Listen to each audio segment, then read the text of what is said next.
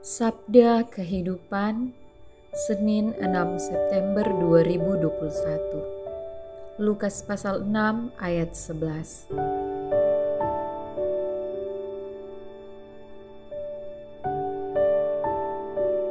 Maka meluaplah amarah mereka lalu mereka berunding apakah yang akan mereka lakukan terhadap Yesus. Yesus baru saja menolong memulihkan orang yang mati tangan kanannya hingga ia sehat seperti sedia kala. Namun bukannya berterima kasih atas kebaikan hati Yesus, malah para ahli Taurat dan orang Farisi menjadi sangat marah terhadap Yesus. Apakah sahabat pernah mengalami hal yang sama? Sudah berbuat baik tapi malah dimarahi, dihujat, dan dibenci,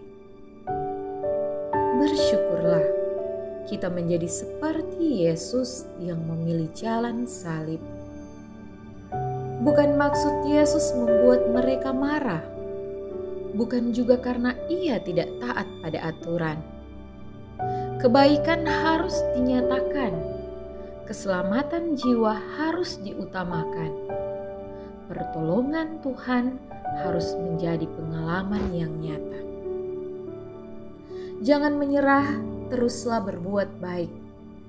Murnikan motivasi dan melangkahlah terus di jalan Tuhan. Memang lebih nyaman untuk menghindar dan tidak perlu merepotkan diri. Apalagi mengambil resiko melawan arus dan dikucilkan. Orang bijak berkata, Kapal akan aman di pelabuhan, tapi bukan untuk itulah ia diciptakan. Beranilah berlayar melayani sekalipun masuk zona tidak nyaman. Beranilah seperti Yesus, sekalipun kebaikannya nanti diakui setelah ia tergantung di salib.